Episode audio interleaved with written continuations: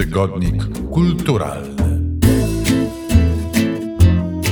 Dzień dobry, dobry wieczór, w zależności od pory dnia, wieczoru, nocy, w której nas Państwo słuchają. Y, nazywam się Jacek Wakar i witam w czerwcowym 38. wydaniu podcastu Nowego Tygodnika Kulturalnego. Jak zwykle wspiera nas jako partner specjalny Audioteka. Dziękujemy również naszym patronom, szczególnie firmie Prosper z Sosnowca, niepublicznemu przedszkolu integracyjnemu Wesoła Lokomotywa ze Stargardu, Adamowi Abramczykowi, Annie Bukowskiej, Krzysztofowi Pełce, Magdalenie Popiołek-Pyć i Joannie Y, oraz Centrum Kultury Filmowej imienia Andrzeja Wajdy, które nas y, jak zwykle y, gości, jak zwykle daje nam tutaj w Warszawie przy Alejach Ujazdowskich miejsce. Zapraszamy do CKF-u i bez zbędnej zwłoki przechodzimy do y, naszej rozmowy. Witam także oczywiście przede wszystkim ekipę Nowego Tygodnika Kulturalnego. Agnieszka Szydłowska, krytyczka muzyczna. Dzień dobry. Karolina Felberg, krytyczka literacka. Dzień dobry. Magdalena Sendecka, krytyczka filmowa. Dzień dobry. Łukasz Maciejewski, krytyk filmowy. Dzień dobry. Bogusław Deptuła, krytyk sztuki. Dzień dobry. Zaczynamy zatem od filmu jak zwykle i mamy dziś y, dwie propozycje dla Państwa. Najpierw Tori i Lokita, bracia Jean-Pierre i Luc Dardenne. Film, który swoją premierę miał rok temu na festiwalu w Cannes, gdzie Dardenowie pojawiały się właściwie regularnie. E, Pojawiają się regularnie i dwukrotnie, co nie jest częste, to jest właściwie taka bardzo elitarne grono, e, otrzymali dwukrotnie e, Złotą Palmę za Rozetę i Dziecko, a za ten film, o którym omawiamy, który trafia do nas właściwie nie wiem dlaczego spóźniony o rok, otrzymali nagrodę 75-lecia e, festiwalu w Cannes. I to też nie jest na wyrost. To jest taki przypadek, mm, droga twórcza braci Dardenne, będziemy rozmawiali o tym konkretnym filmie, ale warto o tym powiedzieć. Bardzo specjalny, bo jeżeli kino społeczne ma twarz jakąś określoną, to jest to twarz w dużym stopniu braci Dardenne. I jeżeli mierzymy kondycję kina europejskiego dzisiaj, e, światowego również, z perspektywy inspiracji, to niezależnie od tego, jak oceniamy ostatnie filmy braci Dardenne, bo oni jakoś jednak wpisują się w taką, e, moim zdaniem, e, w taką tendencję schyłkową, że te najlepsze filmy, e, e, ośmielam się powiedzieć, y, wierząc, że to się zmieni, mają chyba za sobą, e, to jednak ich wpływ na e, kino społeczne i polskie, i węgierskie, i amerykańskie jest przeogromny. To są naprawdę jedni z najważniejszych twórców i jeżeli ich e, schyłkowa twórczość, no tak jak mówię, sam sobie przeczę, bo wierzę, że, że jeszcze jakieś arcydzieła od nich nas czekają, ma wyglądać tak jak Terry i Lokita, to wspaniale. Bo to jest film, niby wszystko już było, kino społeczne, krytyk Guardiana napisał, że połączenie e, thrillera i empatii i to chyba o to chodzi e, w ich filmach w ogóle i w tym filmie w szczególe. E, quasi rodzeństwo, czy fake rodzeństwo, nie wiem jak to powiedzieć. Te- Tori jest chłopcem, Lokita jest nastolatkiem, trafiają do Belgii i tam jest e, Odyseja dziecięco-nastoletnia pod tytułem Biurokracja, niemożliwość odnalezienia e, sensu e, w sytuacji, która ich przerasta. E, Potem mamy jakby drugą fazę i drugą część niejako tego filmu, czyli mm, wejście tej dwójki, właściwie nie wiem co powiedzieć, żeby nie powiedzieć znowu za dużo, na, na jakąś przestępczą sferę, co też jest wpisane w konwencję takiego, no myślę, patronat od zawsze e, Dostojewskiego w tym filmie, e, w filmach braci Dardenne, czyli takie bardzo mocne e, zderzenie zbrodni i kary i pytania, czym jest zbrodnia i, ka- i kara. I właściwie tyle. Mam, mam poczucie, że to jest film, który niestety zostawił mnie dosyć obojętnym. Nie, nie, e, pomimo tego połączenia thrillera i empatii, e, ja pozostałem na zewnątrz tych problemów i e, przypadek kina, które doceniając, jakby nie przeceniam. E, Bardzo kocham braci Dardenne, ale niekoniecznie ten ostatni film. No ja się muszę tylko zgodzić, bo, bo to jest kino, które jednak operuje takimi prostymi rozróżnieniami, prostymi opozycjami i y, takie to jest chlapane y, dużą e, ilością czarnej farby, y, właśnie chlapane.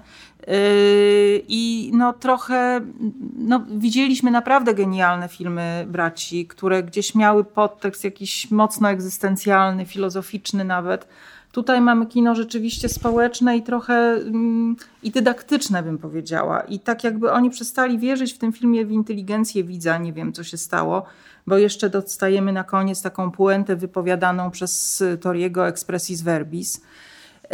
No, y, wspaniała jest ta dwójka dzieciaków, y, ta, ta dziewczynka kilkunastoletnia i ten, i ten chłopiec y, ja Nawet sobie wypisałem Joeli Mbudu i Pablo Sfils. Dzięki Łukasz, bo to ważne też, żeby tutaj zaistnieli pod swoimi imionami i nazwiskami.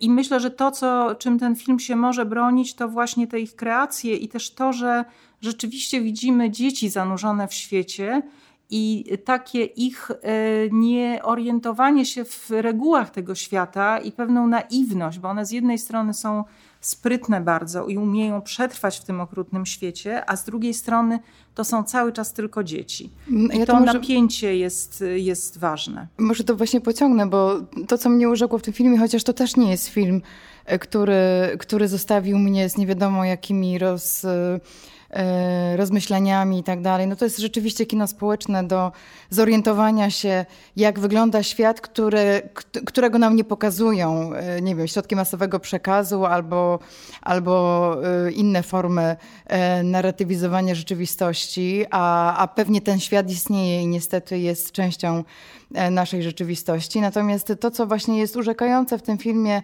czy jakoś tak wstrząsające, może nawet nie urzekające, pociągające i wstrząsające, to jest to, że ta dwójka dzieciaków, y, one są w różnym wieku, trudno mówić o nich per dzieciaki, bo właściwie ona jest prawie młodą dorosłą, e, bohaterka e, Lokita. E, oni mają przeciwko sobie nawet nie tyle świat, co dorosłych. To znaczy, jedni utrudniają im, bo, bo biurokratyzacja i administracja rzeczywistości tę rzeczywistość im jakby, jakby komplikuje. Drudzy e, spodziewają się po nich, że będą wysyłać im pieniądze. Trzeci e, wykorzystują je do, do, do działań, że tak powiem, nielegalnych. Te dzieci są po prostu non-stop wykorzystywane przez dorosłych i jakby to jest niesamowite. Nie ma tam e, relacji między nimi a innymi dziećmi, więc jakby ta, i taka izolacja i osamotnienie ta dwójka kontra reszta świata, czyli tak naprawdę kontra dorośli, to jest Czyli zostawiamy film braci Darden z szacunkiem, ale bez zachwytu, tak sobie to może e, nazwiemy, licząc, że jak powiedział Łukasz, e, wybitni artyści stworzył jeszcze e, dzieło na miarę swoich najważniejszych prac i przechodzimy do filmu, którego Polska jest koproducentem. Tak.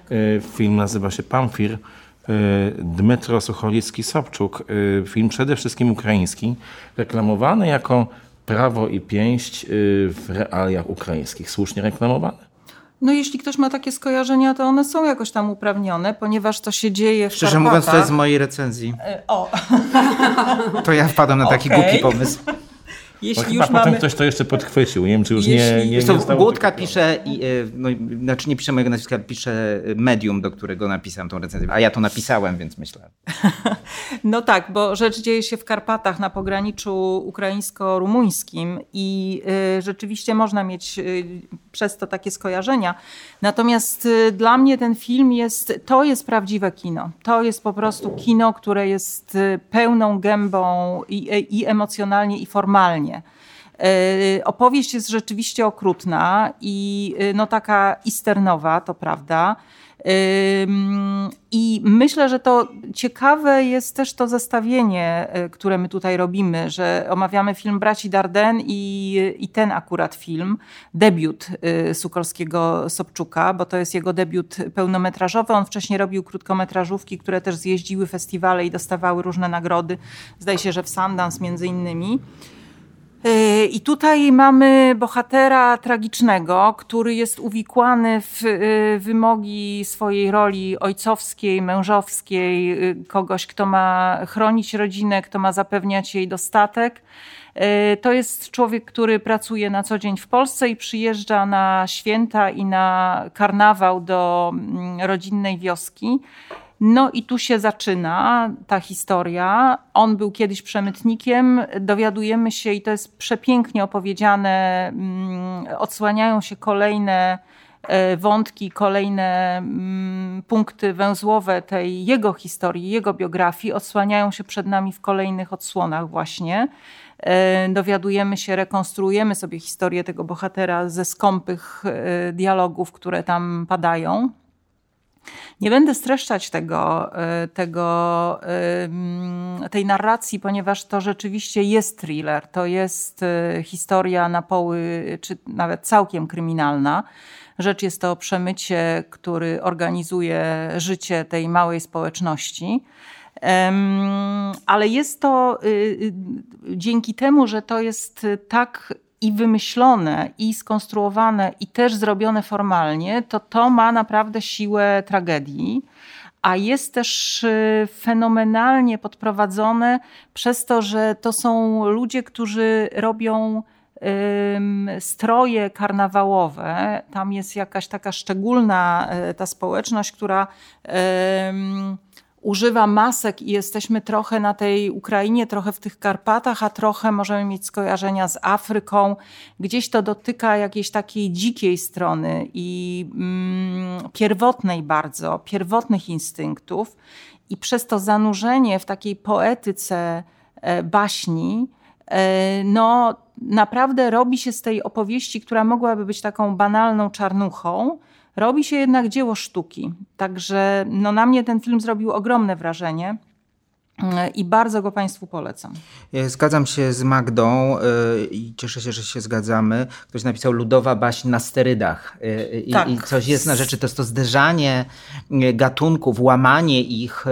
Wielce utalentowany młody reżyser y, z Ukrainy. Ten film zresztą y, według jednym był stypendystą jakiejś polskiej fundacji, a opiekunem literackim tego projektu był Krzysztof Zanussi, nie kto inny, co też jest ciekawe.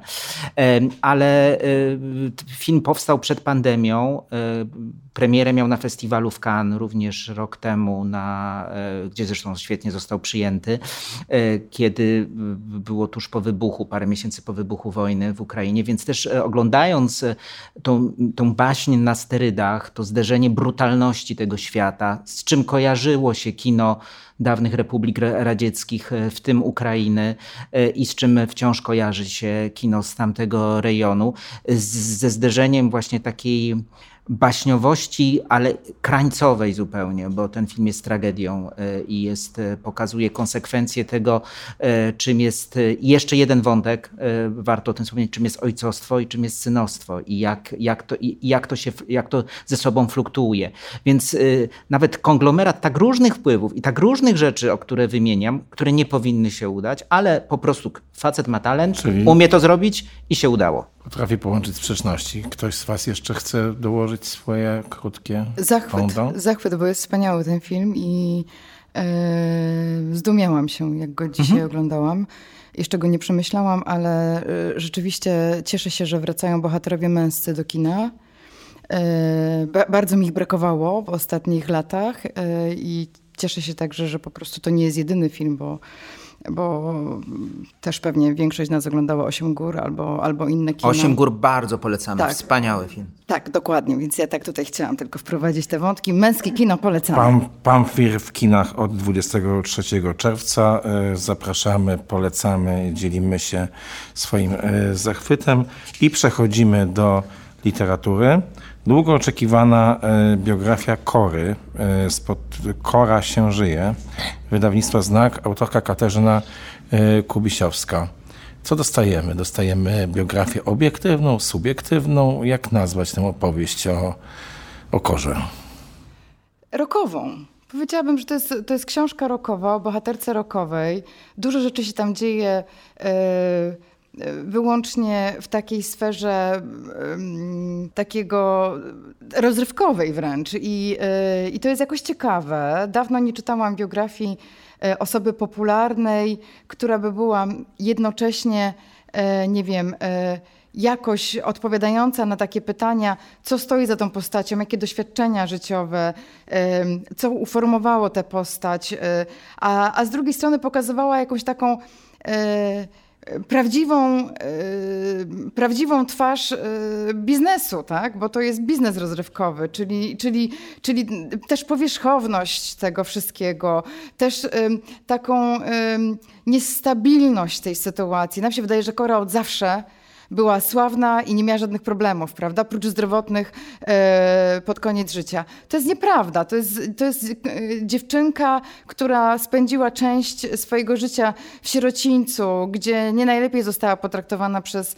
opiekujące się nią zakonnice. To jest dziewczynka, która... No to eufemistycznie powiedziane, trzykrotnie molestowana seksualnie. Dokładnie. No już nie chcę zabierać też e, mhm. przyjemności odkrywania kolejnych tych etapów, bo jednak czytamy dla, e, czytamy dla, dlatego, żeby odkrywać postać, więc nie chcę tutaj zabierać tej przyjemności, niech każdy sobie sam odkrywa Korę e, po swojemu, ale ja się nie dziwię, że ona miała w sobie taką energię życia, taką niespożytą żywiołowość w momencie, kiedy musiała przez, w pewnych, na pewnych etapach życia dopasowywać się do światów zupełnie nieodpowiadających jej wrażliwości. Musiała się pewnie krępować mocno. Ponadto y, jakoś tak te kompleksy, które, które, y, które y, kojarzą się nam z Korą, jakby różne jej, mm, no ona opowiadała o tym w wywiadach, jak, jak, jest, jak jest poturbowana życiowo, uwikłana w różne lęki i tak dalej. To jest tam dobrze opowiedziane. Wydaje mi się, że Kubisiowska ma rękę do rokowych postaci. Cieszę się, że wreszcie trafiła na swoją bohaterkę, bo nie ukrywam, że nie wszystkie jej biografie mnie przekonują. E, może to powinno być, e, może to jest tak, że, że, że, że, że, że, że odnalazła wreszcie ten taki, nie wiem, wspól, wspólne flow ze swoją, ze swoją postacią. E, no i ta jednostkowość i wyjątkowość, o której Korze chodziło, taka niepowtarzalność.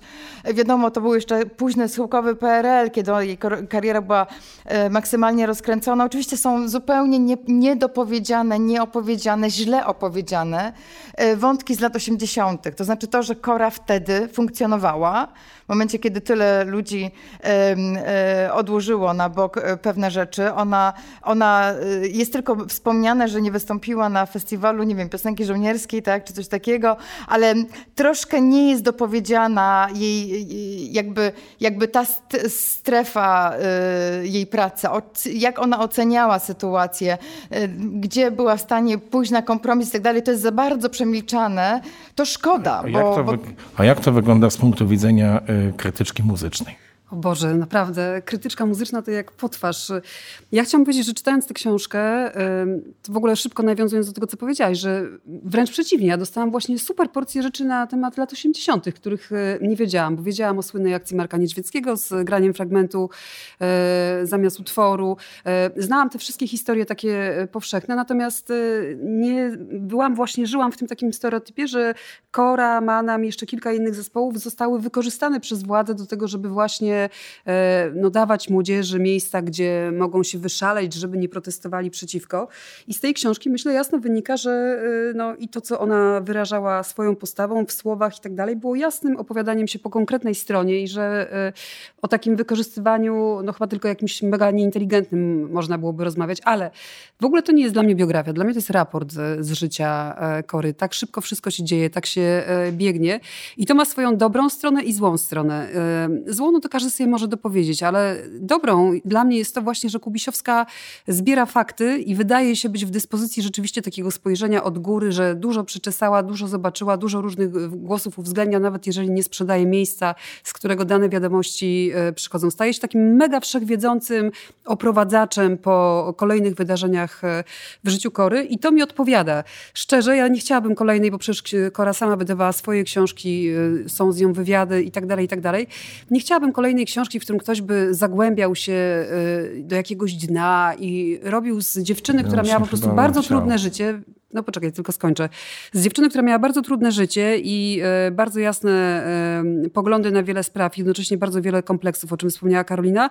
E, no kogoś na kształt jakiejś nauczycielki czy postaci, od której należałoby czerpać coś więcej jak właśnie inspirację do takiego przeżycia życia po swojemu, co od początku tej książki właściwie widać, nawet w tych takich nieuświadomionych, jakichś mega trudnych wydarzeniach, łącznie z próbami zakończenia tego życia, zanim się właściwie zaczęło.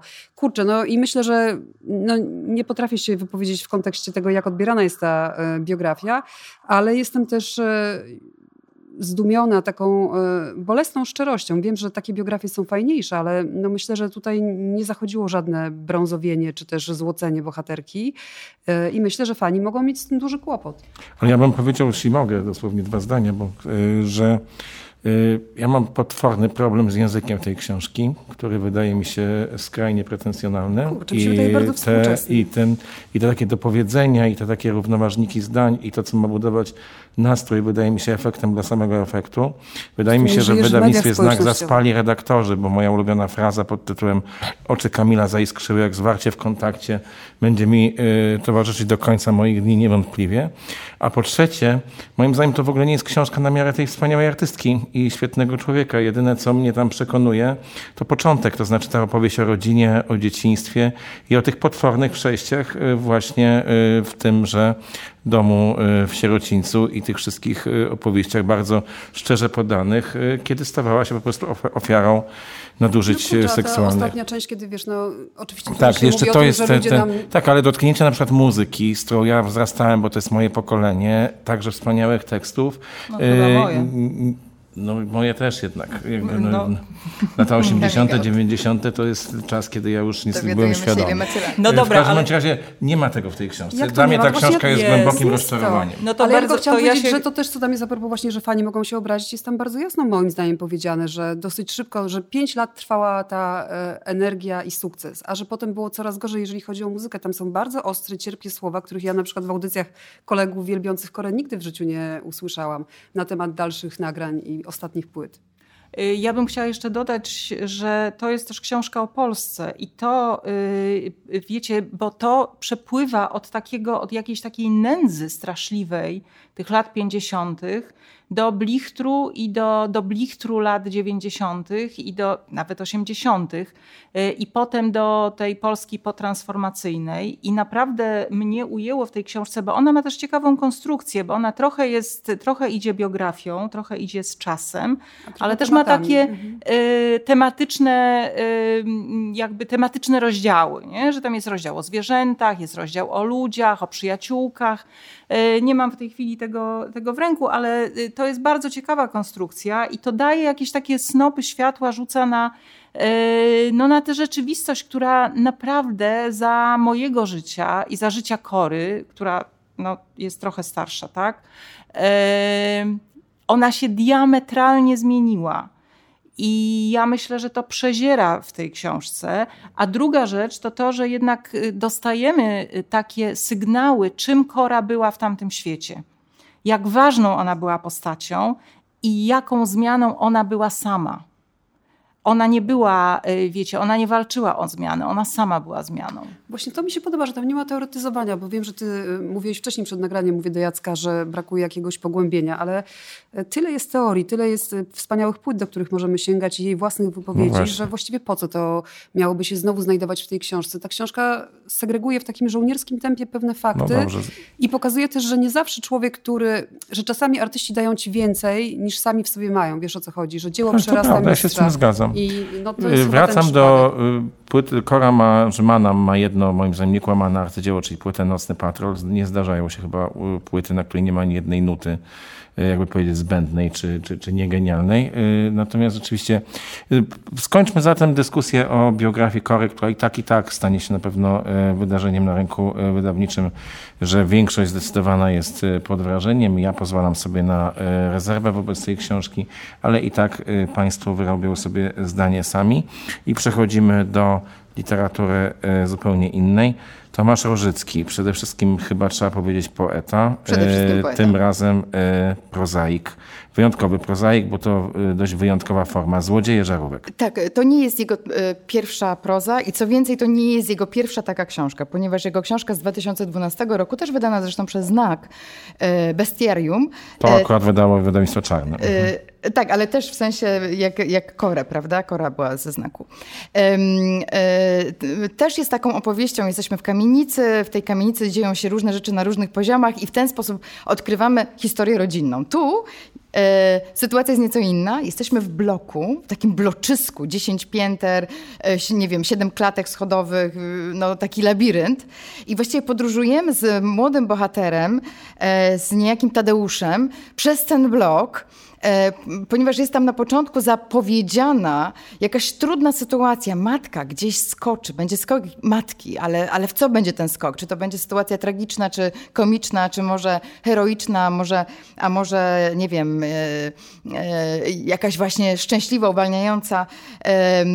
No tego nie wiemy. Wiemy tylko, że, że musimy przejść razem z bohaterem przez całą tę epikę dygresyjną, rozpisaną na, nie wiem, 200 czy więcej więcej stron, y, wielokrotnie skręcić w różne zakamarki, korytarze, poznać wszystkich sąsiadów. Sąsiedzi są bardzo dziwni, ponieważ y, prowadzą bardzo proste, takie zwykłe perelowskie życie, bym powiedziała, ale noszą y, wykwintne nazwiska, opalińscy, osolińscy i tak dalej, co jest troszkę ironią na te czasy, ale troszkę też takim symptomem, prawda? Symptomem tamtych czasów, bo rzecz się dzieje w latach powiedzmy późnych 70., wczesnych 80.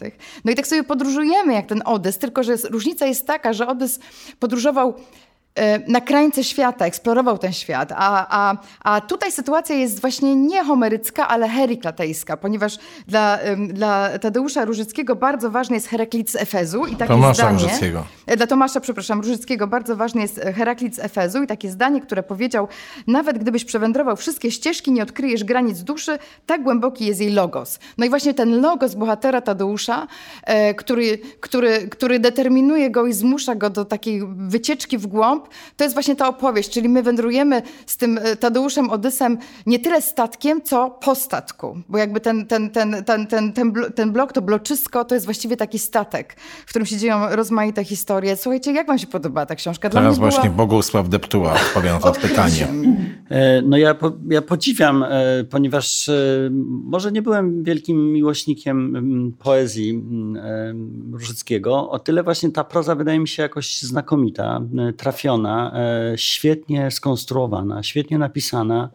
To, że właśnie nie musimy ruszać się z własnych kapci, żeby, żeby odbyć jakąś niezwykłą, e, niezwykłą podróż, to takie skupienie się na jakichś detalach, e, też oczywiście do, dolanie fantazji, bo oczywiście gdzieś tutaj, bo z jednej strony to jest bardzo takie uważne przypatrywanie się takiej codzienności tamtych czasów, ale z drugiej strony oczywiście jest też jakiś lot, y, y, odlatywanie y, od tej rzeczywistości w literaturę. W literaturę moim zdaniem niezwykłej klasy. Bardzo, bardzo podziwiam ten, ten tekst. Wydaje mi się, że jest po prostu niezwykły, że to chyba mm, jakoś zostanie na dłużej.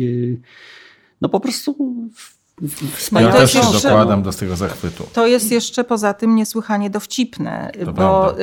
Y, to jest naprawdę momentami, ja miałam, słuchajcie, czytając w tramwaju, y, miałam y, taki Dokładnie, z takim bananem na ustach, tłumić. Tak bo, bo mnie dopadało. No i to jest, to jest pisane z perspektywy dziecka czy młodego bardzo człowieka i, i oglądamy i mm, Różycki robi coś takiego, że stwarza świat baśni. E, każda, każdy detal, każda plama na ścianie to jest okazja do snucia dygresji, ale to jest też opis świata, który ma wymiar baśniowy.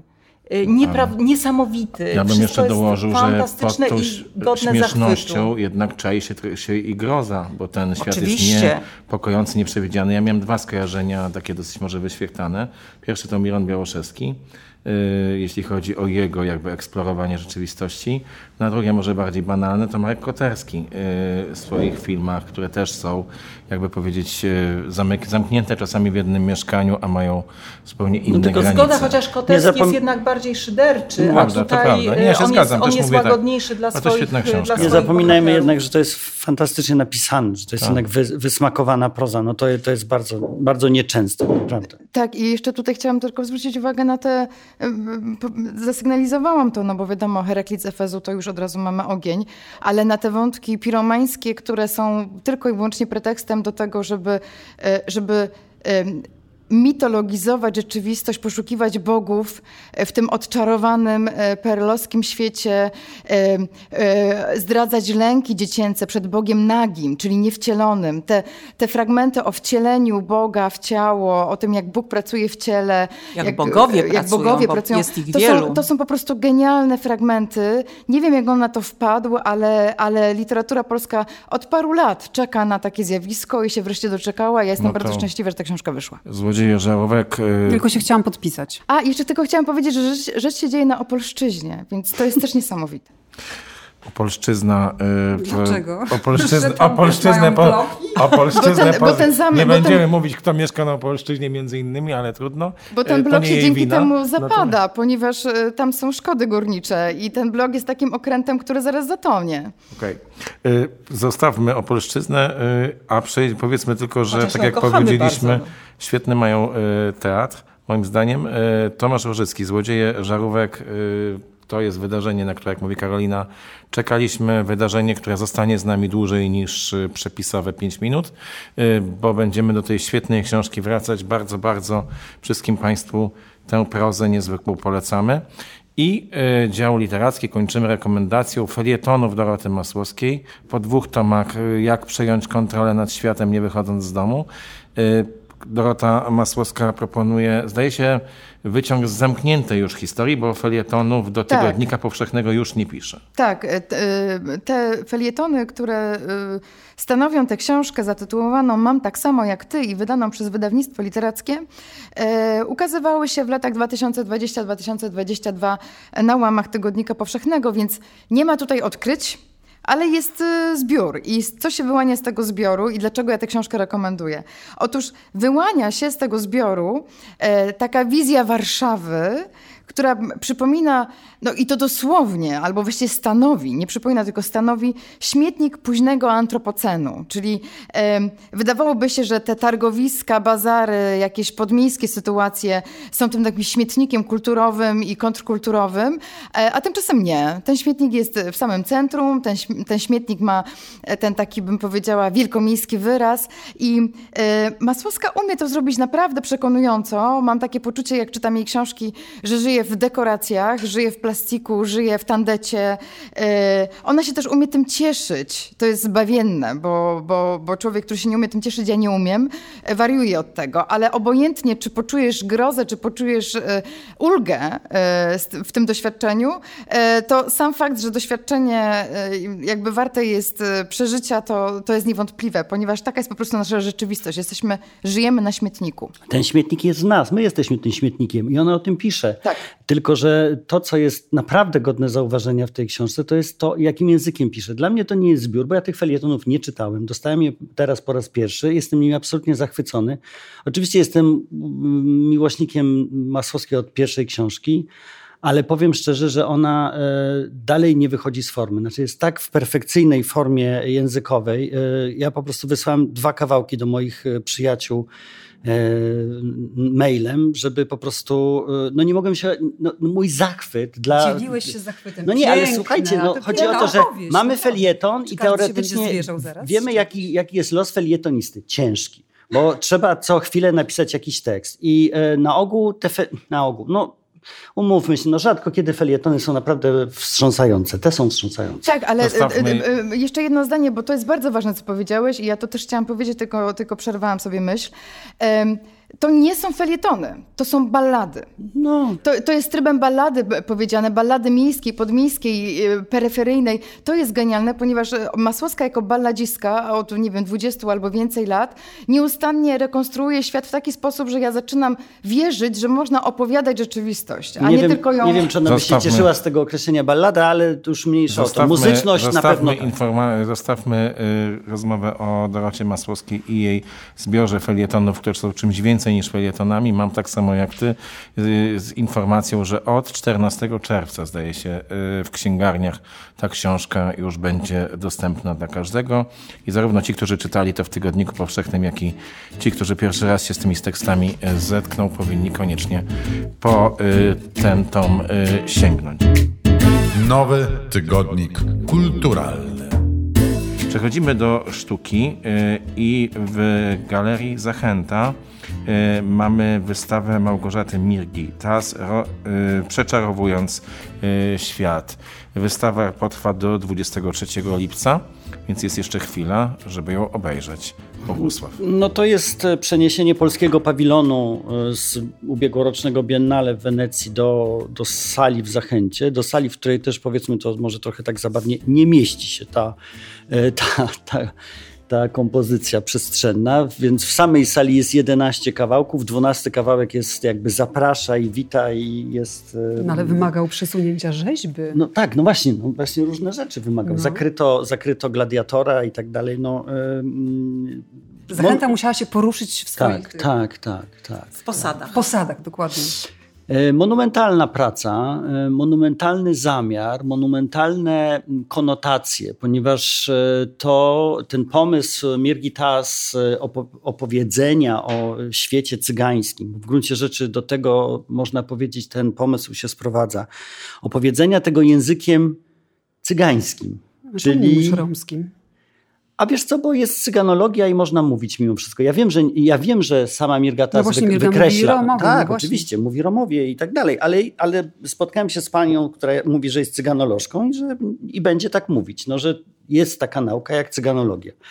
Oczywiście Mirga Tas na swojej poprzedniej wystawie, która była w MCK w Krakowie, e, w takiej części naukowego, e, jakby takiego atlasu, który, który, w którym pokazywała różne e, tematy romskie w, w, sztuce europejskiej, w sztuce polskiej, no właśnie starannie wykreślała słowo cygan i zastępowała je słowem rom.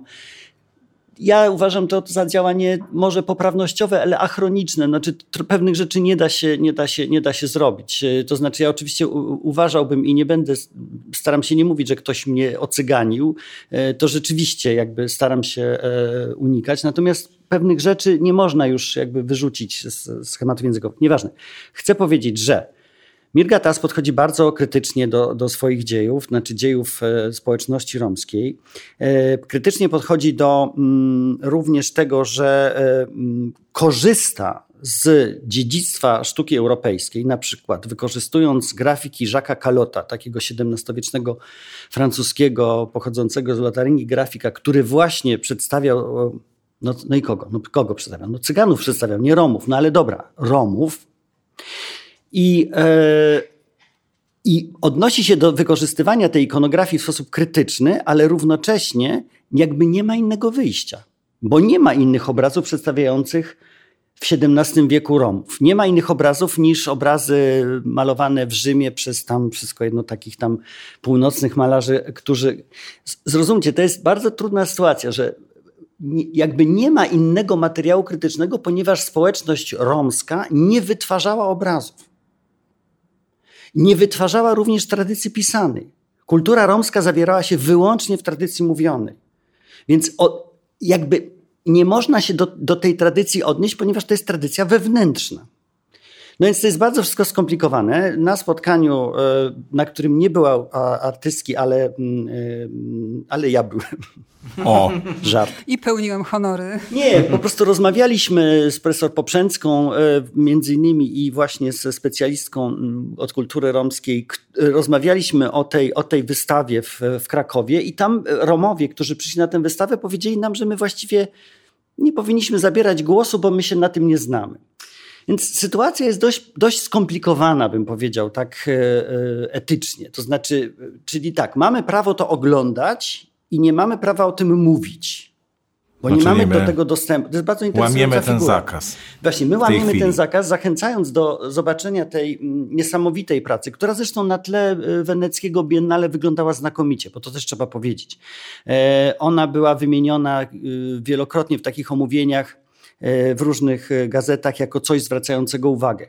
Nie została nagrodzona. Moim zdaniem to takie głupie gadanie, no ex post, no ale na pewno nadawała się bardziej na wyróżnienie niż to, co wygrało e, ostatecznie pawilon angielski, który wygrał E, e, Biennale. Mnie się wydaje, że to nawiązywanie do tej sztuki przeszłości, tej nacechowanej, czyli tej kalota pokazującego Romów i tej nienacechowanej, czyli na przykład korzystającego z kalendarza w Palazzo Schifanoja, w Ferrarze i tak dalej, tak dalej, jest próbą właśnie dopisania takiej nobliwej e, historii e, Romom dzisiaj i takiej właśnie dopisania takich kart, które, których właściwie A skoro nie ma.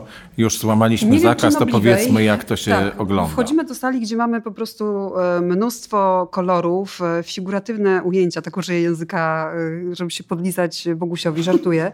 Dużo postaci, ale wyraźnie widzimy, że jest to narracja prowadzona w trzech jakby poziomach, warstwach i że to wszystko zostało wymyślone, że jesteśmy w trzech opowieściach, trzech przestrzeniach, z czego ta najniższa, najbliższa zwiedzającemu, a wszystkie te obrazy są e, naszyte, są rękami zrobione z patchwork materiałów, jakby, no. są to patchworki.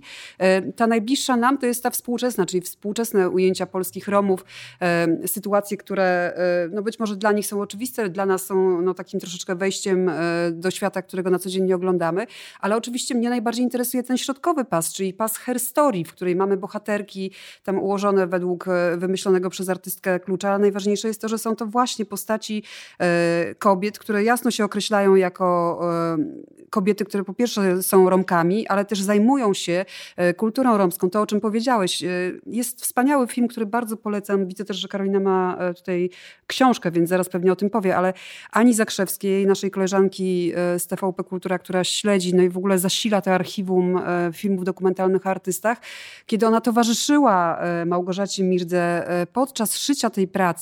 I to też jest super istotny wątek, bo to była praca kobieca. Tam Zespołowa. kilka kobiet siedziało w wielkiej sali, opowiadając też o tych materiałach. Jakby tam nic nie jest przypadkowe, nic nie jest puszczone. Od końcowego etapu po to, jak to powstawało, na podstawie jakich zdjęć powstawało, jakie materiały, czyja koszula, czyje galoty zostały wykorzystane, żeby zrobić jakieś elementy tych prac.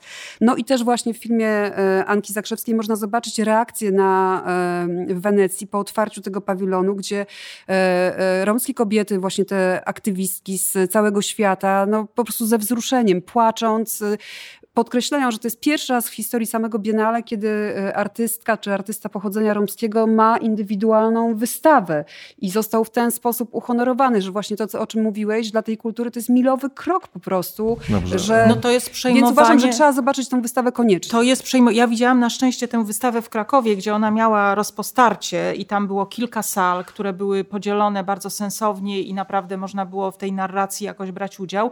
Myślę, że to jest bardzo ważna wystawa, bo to jest o przejmowaniu głosu przez osoby dotąd tego głosu pozbawione. Co, jak wiemy, odbywa się na różnych polach, na różnych, w różnych aspektach. A jest to przy okazji naprawdę coś, co robi ogromne wrażenie, ponieważ Mirgata znalazła własny język. I to, że właśnie y, najpierw była zbiórka tych y, y, ciuchów, tak, tych tkanin, z których te obrazy powstały, to jest też o takim kobiecym sposobie pracy z materią. Wspólnym. Wspólnym, tak. gadaniem. tak. Więc, Kobiecy y, język do opowiedzenia Karolino. tej historii. Może właśnie to y, spuentujmy w ten sposób, bo to jest najważniejsze w tej wystawie. Y, Przeczarowując świat, to przeczarowanie, czyli odczarowanie kobiecej roli, czyli tej zamkniętej, wyizolowanej, zamkniętej w domu kobiety. y, Artystka w tej dolnej sekwencji zawsze pokazuje wspólnotę kobiet i pokazuje ich y, bezpośrednie linki z, ze sferą także publiczną. I jakby to jest najważniejsze, że to jest bardzo, bardzo przyszłościowa perspektywa. To znaczy ona nam podpowiada nie tylko e, pewne wątki z życia e, Romów, ale też podpowiada, e, w jaki sposób można pracę reprodukcyjne, czyli tę społeczną reprodukcję, która jest tak dla kobiet zniewalająca, bo koniec końców zamykają w domu, e, rzeczywiście uwolnić z tego schematyzmu, tak jak to postuluje Sylwia Federici, bardzo ważna badaczka dla artystki, ale też dla mnie bardzo ważna. E, I, i uwolnić można tę pracę reprodukcyjną i reprodukcję społeczną e, z tego po prostu takiego sztafarzu, izolacji, zamknięcia i tak dalej. To znaczy, to może być wspólnotowe i może być piękne i może być przyszłościowe, bo może budować nową rzeczywistość. I o tym jest ta wystawa, moim zdaniem. Dlatego to jest nie odczarowywanie świata, tylko przeczarowywanie świata. To jest jeszcze jakiś krok dalej, jakby, jakby w tym demonizowanym e, obrazie kobiecości, która jest na tyle, nie wiem, dzika i dziwna, że lepiej ją zamknąć w domu, niech tam sobie coś szyje i robi i nie wychodzi na zewnątrz, bo, bo, bo nie wiadomo, co się wydarzy, tak? jak, jak wyjdzie. A tutaj No a jeszcze, jeszcze właśnie w tej etnografii, celowo używam tego słowa, naszego postrzegania globalnego, to są, mówimy o wspaniałych wyjątkach, e, bardzo ciekawych, e, plus filmy dokumentalne, ale postrzegania rzeczywistości społeczności romskiej i ich e, wyzwań, którymi podejmują się kulturowo i artystycznie, to znaczy jak my postrzegamy? Kolorowo, śpiew, disco polo w wydaniu romskim. I wyłącznie tak. Więc każdy krok, a zwłaszcza jeśli jest tak ważny i efektywny artystycznie i etnograficznie i filozoficznie być może również, zbliża nas do tego, żeby zobaczyć głębiej, ja wartościowiej, mocniej to, ja co wydawało się błahe i jednoznaczne. Ja jeszcze jedno zdanie powiem, że to emancypowanie się właśnie e, tutaj w tym planie takim kobiecym, ale też e, w ogóle kultury romskiej, no jest tutaj przepięknie poprowadzone, jest pokazane jako najnaturalniejsza sytuacja. No właśnie, to jest strasznie ważne, bo to nie ma, w tym, nie ma w tym, jakby to powiedzieć, takiej publicystyki, ani nie ma w tym e, jakiegoś takiego ekskatedra wykładu, tylko jest sztuka, która jest zapraszająca do wspólnego przeżywania, do y, ale jakiegoś jak takiego absolutnie. Lepiej, no tak lepiej, ale to równocześnie jest chyba tak efektowne dla przeciętnego widza. Tak, że nie trzeba mieć wydaje, jakiegoś tak, szczególnego przygotowania, wystarczy pójść po i po prostu tę wystawę y, przeżywać. Do 23, jak powiedziałem, lipca w Zachęcie Małgorzata Mirgatas przeczarowując świat, a aż do listopada y, w Krakowie w Muzeum Sztuki i Techniki Japońskiej Manga wystawa Tatry Wróblewski-Karłowicz-Wyczółkowski. E, to wystawa, która jest jakby takim spełnieniem marzenia kuratorki, czyli Hanny Król, która od lat pragnęła zrobić tę wystawę, bo sama będąc góralką, ale pracując w Muzeum Manga, gdzie, e, gdzie przygotowuje wystawy na ogół sztuki japońskiej i wątków japońskich w sztuce, e, to tam jest taki pretekst Święta Gór japońskiego, który oczywiście jest pretekstem do tej, do tej wystawy, ale może, może też warto o tym powiedzieć. Chodzi o to, że mamy tutaj e, z jednej strony Andrzeja Wróblewskiego, który chodził po górach, zresztą zmarł w tych górach, prawda? Został znaleziony w Tatrach martwy w jakichś dziwnych bardzo okolicznościach. 30 lat miał. Miał równo 30 lat, tak. E, I jakaś ostatnia niewysłana kartka jest napisana właśnie w, w Tatrach. E, wszystko to razem jest bardzo takie niezwykłe. Namalował setki widoków Tatr. Tylko, że problem jest taki, że nagle się okazuje, że to nie są widoki Tatr. To jest bardzo zabawne. To są jakby widoki inspirowane Tatrami, ale to nie są Tatry. To są nie da, tatrolodzy nie, nie byli w stanie poustalać, jakie to są miejsca. Bo okazuje się, że to, co wygląda dla nas jak po prostu pocztówka e, z, z gór, okazuje się być wy, wytworem, znaczy e, pomysłem, znaczy dziełem opartym, wzorowanym na górach, ale dziełem absolutnie autonomicznym. To jest największe zaskoczenie tej wystawy. Dla mnie przynajmniej. Bo ja myślałem, że rzeczywiście, bo znałem te prace, prawda? Może nie wszystkie, bo ich jest tam sporo, trzeba powiedzieć ale byłem pewien, że, że, że Wróblewski stał gdzieś tam z tym szkicownikiem i, i, i robił widoczki tatrzańskie, guzik. To są wizje Tatr, to nie są Tatry. No i do tego znakomite y, z początku XX wieku fotografie Mieczysława Karłowicza, tego właśnie tego Karłowicza, czyli kompozytora, który nawet w pewnym liście pisał do któregoś ze znajomych, że się zastanawia, czy nie rzucić w diabły pisania muzyki, bo z tego tym się nikt nie ciekawi i nie sprzedawać y, kolejnych albumów tatrzańskich, bo to się bardzo podoba i dobrze idzie i ma z tego grosz, więc y, w drugą stronę. No i oczywiście Leon Wyczółkowski, który jest tutaj jakby najbardziej znaną postacią jako ten piewca e, piękna Tatrzańskiego. E, postać jakby niezbędna do, tej, do domknięcia tej triady. E, człowiek, który rzeczywiście przekazał nam wizję, wizję, wizję gór, którą, którą pamiętamy. Wystawa E, świetnie zrobiona, opatrzona znakomitym katalogiem. To też trzeba powiedzieć, jest e, imponujące wydawnictwo, które, że tak powiem, utrwali ten, to wydarzenie, ten pomysł, to spotkanie. E, trzech artystów, którzy no, no właśnie w sensie można powiedzieć poświęcili życie Tatrom.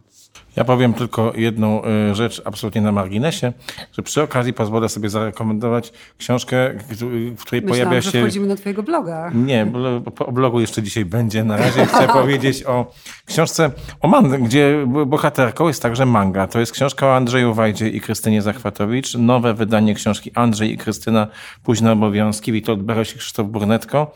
Świetnie było wzbogacone o wywiady z Krystyną Zachwatowicz i tam cała historia budowania, powstawania mangi y, w tej pięknie wydanej przez Austerię książce jest. Ja z wielką przyjemnością sobie tę historię i także opowieść o pani Krystynie i panu Andrzeju y, przypomniałem. A w Mandze też wejdę w słowo wystawa Jana P. Kaczmarka towarzysząca Festiwalowi Muzyki Filmowej. Jedyna chyba jaka powstała jak dotąd w Polsce jego pracy, drogi do Oscara i, i myślę ważna też e, z tego powodu Jana Pekaczmarek był bohaterem Festiwalu Muzyki Filmowej, że no jak wiemy e, sytuacja nie jest wesoła, jeśli chodzi o, o, o sytuację zdrowotną mistrza, więc myślę, że warto o tym wydarzeniu też wspomnieć w Absolutnie. krakowskiej Mance. Myślami jesteśmy zatem z Janem A. Kaczmarkiem i jego rodziną. E, wspieramy mm, jak możemy. Y, I przechodzimy do kolejnego naszego tematu. W krótkich słowach y, Bogusław opowie o wystawie Bez mistrza, bez pana, ruchomy obraz i feministyczne tworzenie światów. Y, to jest Muzeum Sztuki Nowoczesnej w Warszawie. Ekspozycja jest czynna do 16 lipca. E, wystawa, która pierwotnie była pokazywana w Berlinie i tutaj przyjeżdża teraz do Warszawy. Wystawa, że tak powiem, ja bym to określił jako wystawę taką studyjną. To znaczy, to jest taka wystawa, która e, nie aspiruje do tego, żeby e, jakby mówić jakby na czysto i pełnym językiem, tylko po, po, pokazuje pewien materiał wyjściowy do rozmyślań o tym, jak się rodziła sztuka feministyczna, jakie były jej początki w, w ruchomych obrazach, tak? przede wszystkim w zapisach filmowych. Mamy mamy tutaj bardzo różne materii pomieszanie, to znaczy mamy polski dokument z lat y, tam 60., 70., mamy eksperymenty formalne, mamy y, zapisy cielesności, mamy właściwie obrazy, które mogą czasami nawet wręcz szokować swoją e, ujawnioną intymnością. Bardzo to jest, bardzo to jest wystawa, że tak powiem, dziwna, wystawa, e, która wymaga też wielkiej cierpliwości, bo jest to właściwie kilkadziesiąt filmów do obejrzenia e, w jednej przestrzeni, w jednym czasie, y, no, wymaga pewnej, pewnej wytrwałości, tak bym to powiedział, ale materiał wydaje mi się intrygujący chwilami. Zatem y, zachęcamy do podjęcia tego wysiłku i y, zobaczenia jednak wystawy Bez Mistrza, Bez Pana w Muzeum Sztuki Nowoczesnej. Nowy tygodnik kulturalny.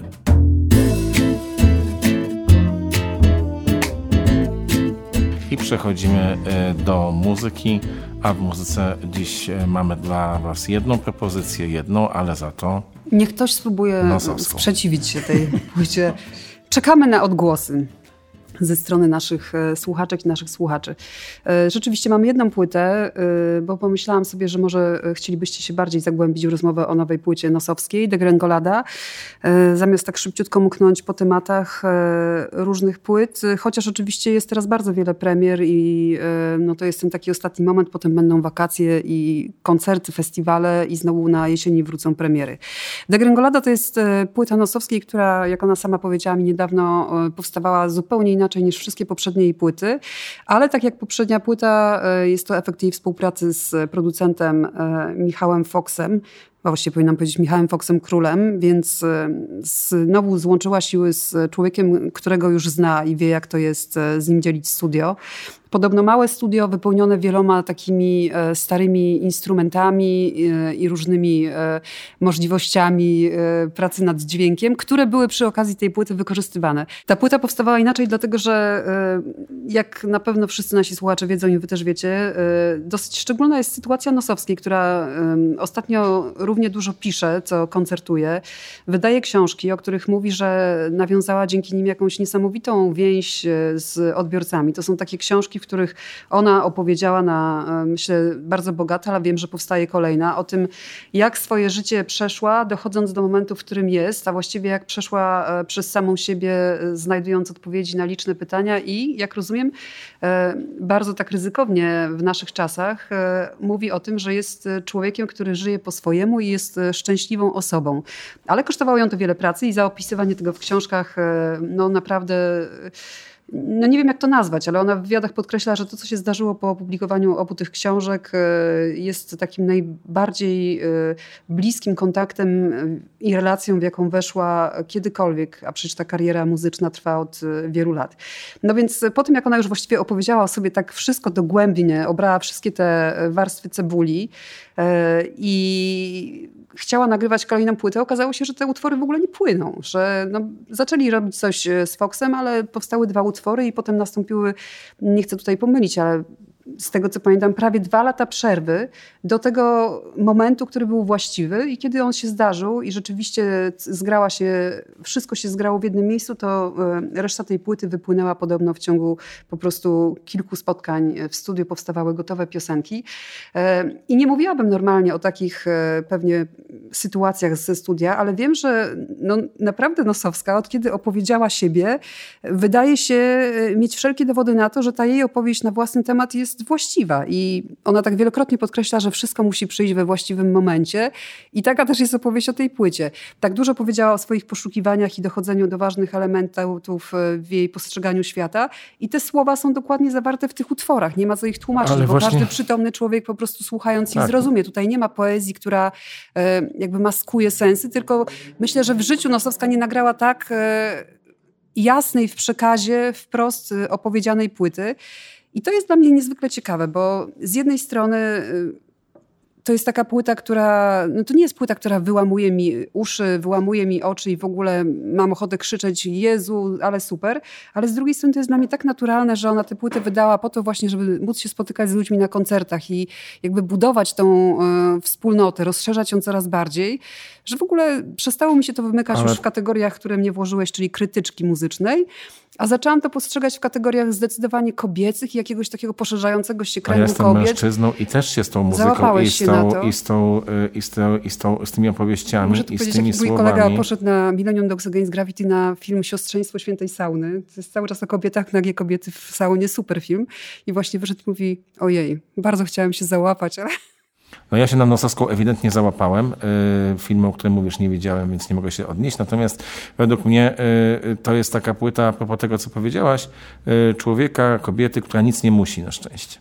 I y, w związku z tym, że nic nie musi, pisze od siebie tak bardzo y, mocne i tak bardzo też niepublicystyczne znowu teksty, które jednak niezwykle jakoś rezonują z rzeczywistością. Pewnie to jest ta nosowska, mówimy tak w przypadku największych, nie wiem, Wojciecha Wagleskiego, czy wciąż czekamy na nową płytę od wielu, wielu dekad y, Lecha Janerki, gdzie po prostu niby wszystko jest po staremu, niby te piosenki są takie, jakie były, ale mnie przynajmniej w najmniejszym stopniu to nie przeszkadza. Mówiliśmy, e, to ciekawe, ciekawe zresztą, e, tak mi przyszło do głowy o tych braciach Darden, którzy są taką firmą e, e, ze znakiem jakości, chociaż ta jakość jest pewnie nie, nie, dla każdego jednakowa.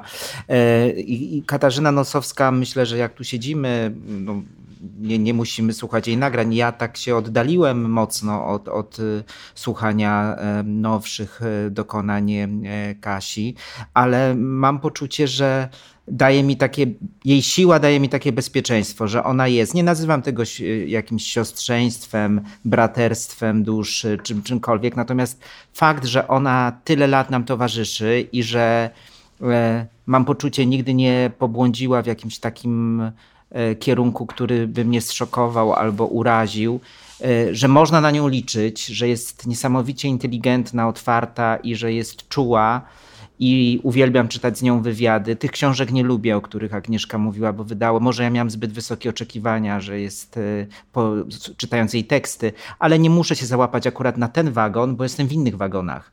I jestem e, w, na innym peronie, ale to wciąż jest mój peron. I to jest ten peron Nosowska, który mknie pięknie. Jeszcze bym dodała, tak łącząc tutaj ją z Korą, nie poprzez porównania absolutnie artystek, ale poprzez taką szczerość opowiadania o sobie i o swoim doświadczeniu że, uwaga, wypowiem słowo menopauza. E, no, tak jak Kora potrafiła opowiadać o kolejnych etapach e, życia kobiety, tak samo robi to Nosowska. Oczywiście dla kogoś, kto ma lat 15 jest to absolutnie no, nieistotne, ale dla kogoś, kto właśnie obserwuje ją i przechodził z nią przez jej młodość, ciążę, macierzyństwo, e, no i teraz słucha jej tak otwarcie mówiącej właśnie o tej sferze życia kobiety, to myślę, że no, no trudno to tłumaczyć, ale te osoby, które się na to załapują, wiedzą, jakie to jest ważne i jakie to jest istotne, żeby takie głosy słyszeć dookoła siebie.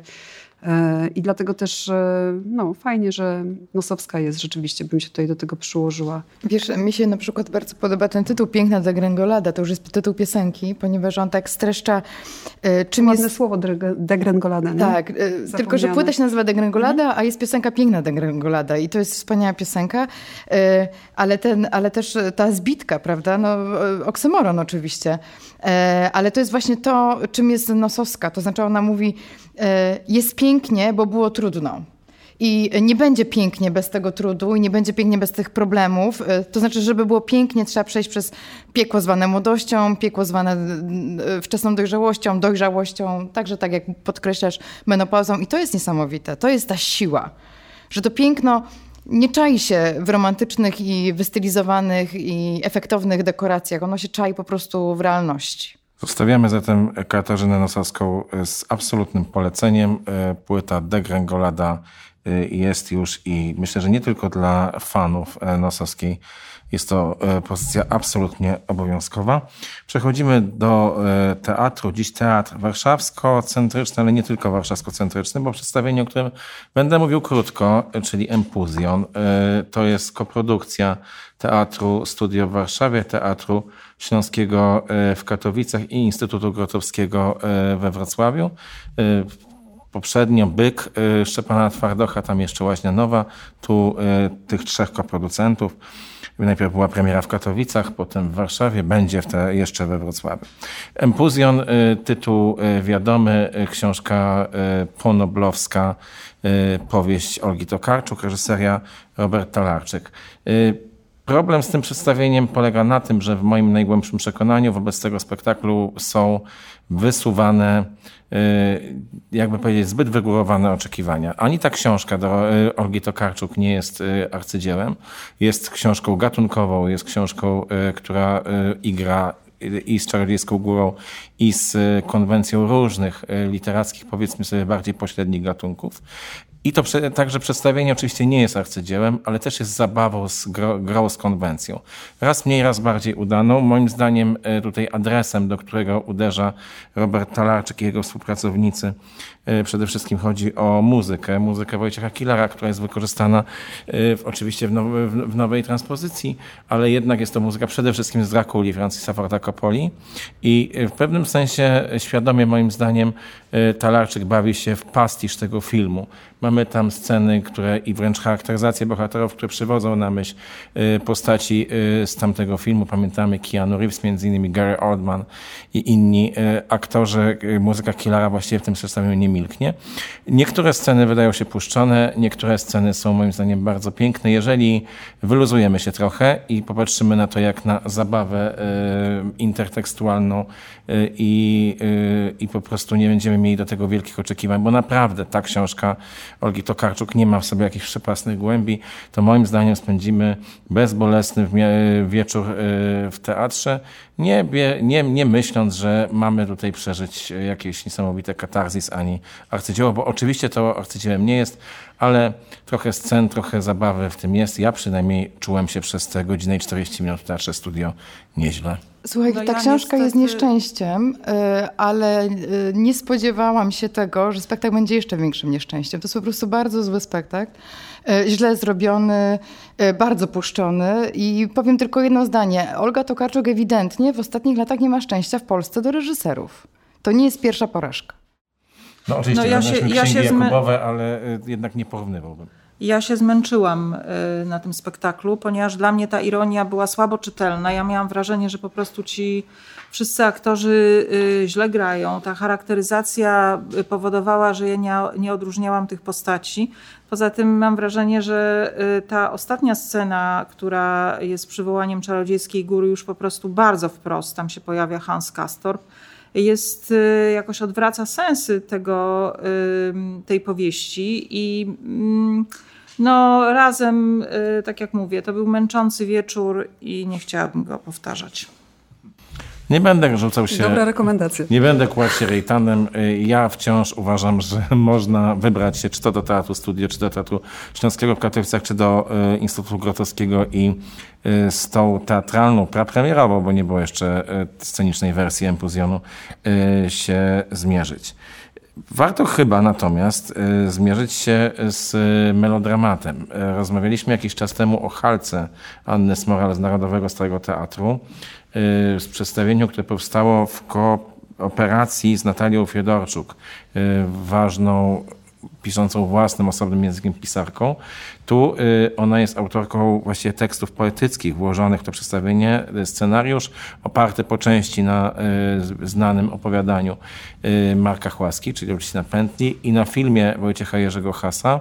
Y, Jest y, dziełem improwizacji y, monologów, dialogów pisanych, y, podczas prób przez zespół tego spektaklu, czyli Karolina Adamczyk, Annę Ilczuk, e, Michała Czachora, Andrzeja Kłaka, Juliana Świeżewskiego, y, no i reżyserka oczywiście Annę Smolar.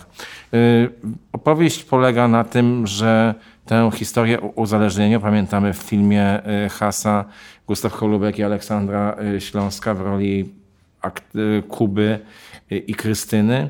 Tutaj y, postacią Kuby i Krystyny wymieniają się wszyscy aktorzy, niezależnie od płci. Y, Niejako tę tożsamość y, człowieka, który jest uzależniony i kobiety, która jest współuzależniona, sobie przekazują. Ale ta opowieść jest opowieścią o, w moim przekonaniu, intymną opowieścią o opresji i wychodzeniu z opresji, o wspólnym dojrzewaniu do życia razem i o tym, jak pokonać y, to właśnie współuzależnienie. Rzeczywiście, jak mówiła Anna Smolar, ta historia jest y, opowiadana z perspektywy kobiety przede wszystkim i to jest nowość, zarówno w kontekście pierwowzoru literackiego, jak i filmowego.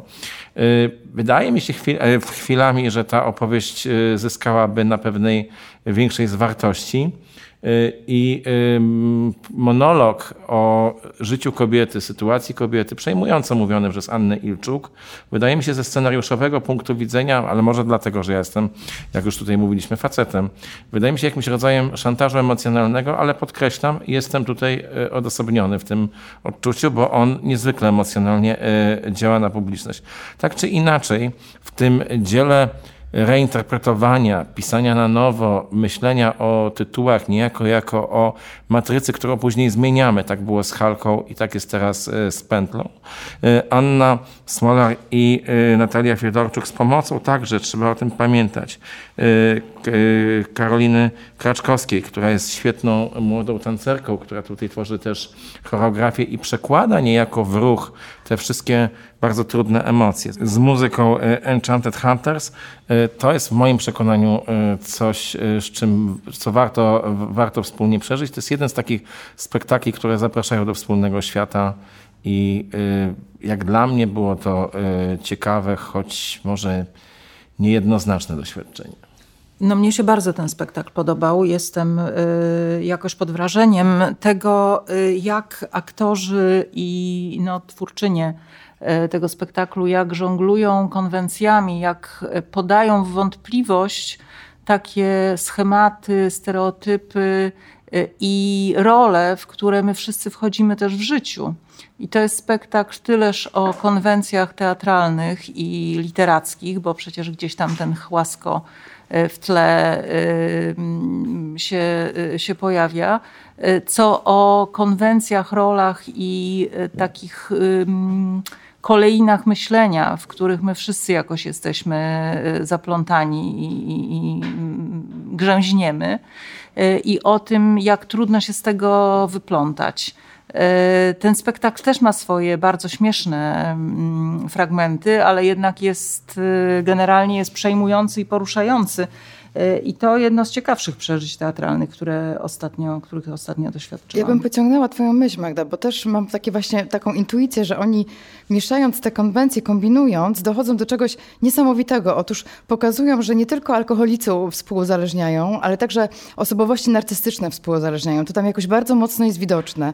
I, e, i to współuzależnienie, które może się, zwłaszcza kobietom, przytrafić e, z różnych powodów, nawet nie pijący, nawet nie pijący mąż mąż może, może uzależnić od siebie emocjonalnie i życiowo kobietę i to jest jakoś tak powiedziane tam tak delikatnie, to jest, no mimo wszystko mówimy tam o, o alkoholizmie, ale gdzieś, gdzieś brzmi ta nuta, przez to, że oni są w teatrze i jest ta sytuacja artysty, który jeszcze do tego wszystkiego jest uwikłany w te swoje ja i, swoje, i te wielkie oczekiwania publiczności wobec niego, prawda? To nie jest tylko e, postać, to jest, to jest postać, na którą liczy e, społeczność, to jest coś więcej.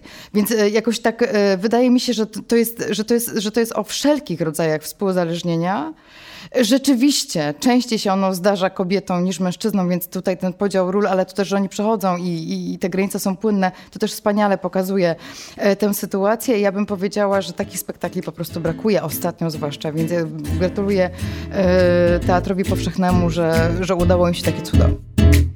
Nowy tygodnik kulturalny. Zatem y, polecamy serdecznie przedstawienie pod tytułem Melodramat y, w reżyserii Anny Smolar, Teatr Powszechny w Warszawie. I przechodzimy do ostatniej y, części naszego dzisiejszego spotkania, witając bardzo serdecznie pana Jerzego Radziwiłowicza. Dzień dobry. Jerzy Radziwiłowicz przychodzi do nas tuż przed spektaklem w Teatrze Narodowym, ale rozmawiać będziemy nie o tym przedstawieniu, które pan dzisiaj gra, ale o przedstawieniu, które swoją premierę miało chwilę temu, Komediant według sztuki Tomasa Bernharda, w reżyserii Andrzeja Domalika, e, no a pan e, w roli Bruskona. Ogromna rola, jeśli chodzi najpierw o rozmiar tekstu, o myślę skalę trudności, to jedna z najbardziej, z, naj, z najwyższych, że tak powiem, poziomów trudności, jakie ja sobie po prostu wyobrażam w teatrze dla aktora, w tym oczywiście gatunku teatralnym. Czy pan Dyrektor Jan Englert przyszedł do pana z tą propozycją, Andrzej Domalik, pan na to wpadł. Jak, jak pojawił się pomysł, żeby pan zagrał tegoż aktora? No, to był pomysł y, Andrzeja Domalika, także do którego y, nie musiał długo przekonywać dyrektora Englerta, ale to, to od niego wyszło. A jeśli chodzi o samo spotkanie z tym bohaterem, aktor, który kończy właściwie y, swoje życie, wściekły na świat, wściekły na Austrię, wściekły trochę na teatr, mający o sobie delikatnie mówiąc dość wysokie mniemanie. Pan w kontekście tego, co ja na przykład jeszcze pamiętam, czyli wielkiej roli Tadeusza Łomnickiego w Teatrze Współczesnym w Warszawie, roli w spektaklu Erwina Aksera, zmienia według mnie akcenty. Zwykło się traktować Bruskona jako tyrana, jako furiata, który terroryzuje swoją rodzinę, pan akcentuje raczej melancholię, raczej gorycz, raczej rozpacz tego człowieka. Pan, trudno powiedzieć, że jakieś akcenty zmieniał, ponieważ nie mam żadnego punktu odniesienia do tego tekstu. Nie widziałem żadnego przedstawienia na, na bazie tego tekstu zrobionego, również z Łomnicki, no byłem wtedy w Krakowie, więc wiele rzeczy w Warszawie, które się zdarzyły, ominęło mnie. E, także y, ja startowałem właśnie z punktu zero, od przeczytania tekstu. E, I nie w ogóle no, do, do niczego nie, nawet nie mogłem się ustosunkować ani odnosić, ponieważ niczego, żadnego spektaklu, jak mówię, komedianta nie widziałem nigdy. Więc to jest, to wynika wszystko z naszej pracy i z czytania tekstu. Mhm. A ja zapytam, nie, niestety w przeciwieństwie do Was nie, nie widziałam jeszcze spektaklu na drobie, natomiast y, ciekawi mnie coś może dlatego innego. Y, spotkania z Andrzejem Domalikiem, y, sam fakt, że znowu panowie współpracujecie, Pamiętam znakomite teatry telewizji, Wiśniowy Sad, czy przede wszystkim Dzieci Boga według Gorkiego. Dzieci Słońca. Dzieci Słońca, pomyliłem się. Bo to on przesadził mocno. Mm, proszę? Mocno pan przesadził. e, zwłaszcza, że to gorki. Ale y, istota aktorstwa, prawda? Pan y, dzięki temu, że tyle lat nam towarzyszy i y, zawdzięczamy panu tyle mm, wzruszeń, przede wszystkim teatralnych, ale też filmowych, czy no, wspomniałem o, o telewizyjnych osiągnięciach, e, wpisał tę, w tę rolę chcę porozmawiać no, nie, nie, do końca na temat tego spektaklu, którego nie widziałam, więc nie mogę się do niego odnieść, ale swoje doświadczenia aktorskie, swoje dylematy łączące się z pracą zarówno z wielkimi e, nazwiskami, tuzami, które pamiętamy, ale i z hochsztaplerami, i z uzurpatorami, i też z poczuciem, które chyba każdy albo prawie każdy świadomy aktor ma, że wchodzi w coś, w jakąś niefajną grę, grę, która jest niewarta zachodu, albo sam jest dyrygentem w takiej grze, zarażając pozostałych uczestników. No, pan poruszył naraz bardzo, bardzo wiele rzeczy.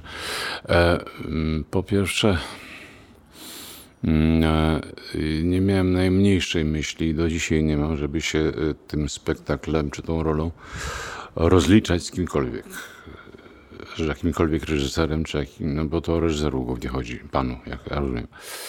E, najmniejszej takiej myśli. To mnie nie interesowało. W pewnym momencie y, zainteresowało mnie, bo to kuszące, żeby tam e, wepchnąć to jakoś E, parę postaci aktorskich. No, aż, się, aż się prosi, żeby się w to zabawić. Ale szybko mi ta myśl też odeszła, bo dlatego, że to, to powierzchowna gra nie warta świeczki.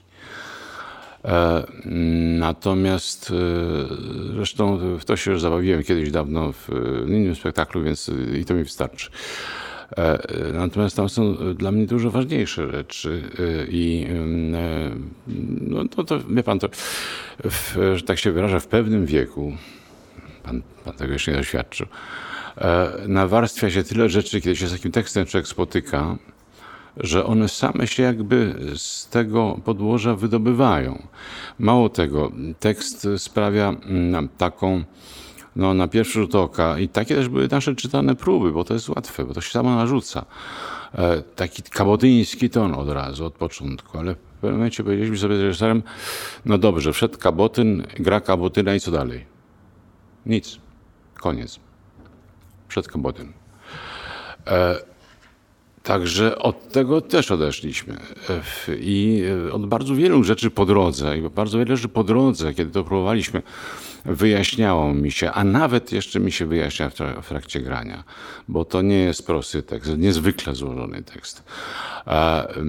Bardzo łatwo wykpić wiele rzeczy w tym tekście, a niekoniecznie trzeba.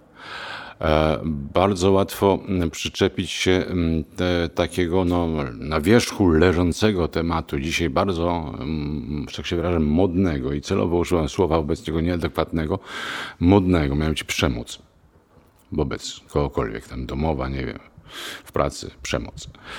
A, na, łatwo tylko tym się zająć, ale też coś się traci. Tam jest dużo więcej. Tam jest dużo więcej.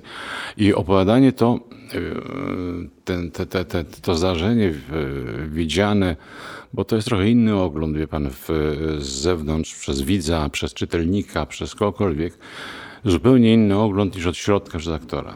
Kiedyś zacznie, weźmie to na siebie i zacznie się e, to, e, próbuje się to w tym znaleźć, to się to zupełnie inaczej słyszy i inaczej czyta. Nie mówiąc już o tym, że no, podstawową rzeczą jest to, że kiedy sam Pan to mówi we własnym, w cudzysłowie oczywiście, we własnym imieniu, jako ta postać, no to przecież Pan z siebie nie kpi. A pierwszym naszym odruchem, kiedy czytamy ten tekst, jest to, że ten człowiek jest po prostu do wykpienia od razu. A kto z siebie kpi od razu i wyłącznie? Nie. I, I to jest interesujące, co jego zajęło, co dla niego jest poważne, bo dla niego są bardzo poważne sprawy. Które sprawy tam dla niego są poważne naprawdę? A, a gdzie jest prawda? Gdzie fałsz z jego strony? Fałsz w sensie tym, jak on nazywa fałsz w sztuce, czyli że coś gra, coś udaje, przedstawia. Że to może nie być jasne, to i dobrze, dlatego że y, robiliśmy zresztą w, y, wszystko w tym kierunku, żeby to pomieszanie było, no, się jakoś y, było, no, było po prostu, że trudno określić dokładnie, w którym momencie on jest prawdziwy, w którym fałszywy, w którym udaje, w którym na, naprawdę cierpi, płacze, bo żona jest chora, żona widzimy, jak ją traktuje. Czy to jest. Ale wie pan co? To jest też tak, że. Bo on mówi, że kocha żonę. Parę razy w tej sztuce, że kocha żonę. Ale kiedy tylko się pojawi ta żona, no to jest traktowana fatalnie przez niego. Czy to jest niemożliwe? No, kochać jej się nie widzi, jak się tylko pokaże rany boskie, znieść nie można. Niech zajrzyjmy w ciebie troszeczkę. zanim zaczęli mówić tylko o, o tym, co jest na wierzchu. A, a poza tym, no, w, i to też jest, sięga pan oczywiście do teatru, bo to, jest, bo to chodzi o teatr i o aktora. Są, to są dwie różne rzeczy. Żona i rodzina jako osoby prywatne, jako rodzina po prostu. I oni jako e, aktorzy na scenie. To są zupełnie inne podejścia, zupełnie inne wymagania. I to się może straszliwie ze sobą nie zgadzać. I być okrutne dla którejś strony. I bywa. I bywa. Dziękuję. Czy ja dobrze rozumiem, że to, co pana mm, skłoniło do przyjęcia tej roli, to jest właśnie ta zagadkowość tej postaci? Czy pan jakoś znalazł w tym tekście od razu coś, co pana przyciągnęło? Czy to było raczej to pytanie, kim on jest naprawdę? I czy to jest taka praca, w której pan się dowiaduje, y, no trochę sam od siebie, o tym bohaterze, już go grając? No, w pierwszym odruchu, no wie pani, taki duży tekst. Dawno nie brałem na tak zwany warsztat e, tak potężnego materiału. No to dlaczego nie? Dlaczego, że tak się wyrażę, górnolotnie na starość nie spróbować znowu. A, a, a, a poza tym, tak rzeczywiście tekst, który w, na, na, na pierwszy rzut oka daje e,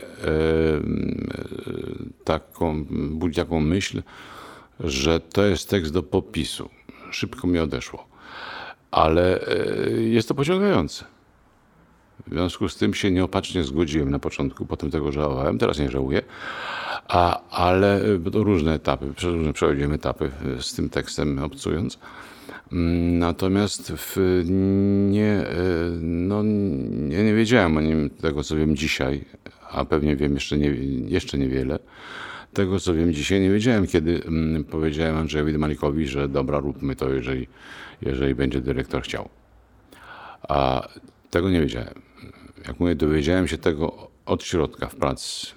I jeszcze raz powtórzę tę mm, rzecz może dla mnie ważną do powtórzenia, mianowicie, że to jest zupełnie inne oglądanie e, tekstu, postaci, świata, zupełnie inne czytanie od środka niż jakiekolwiek inne od zewnątrz.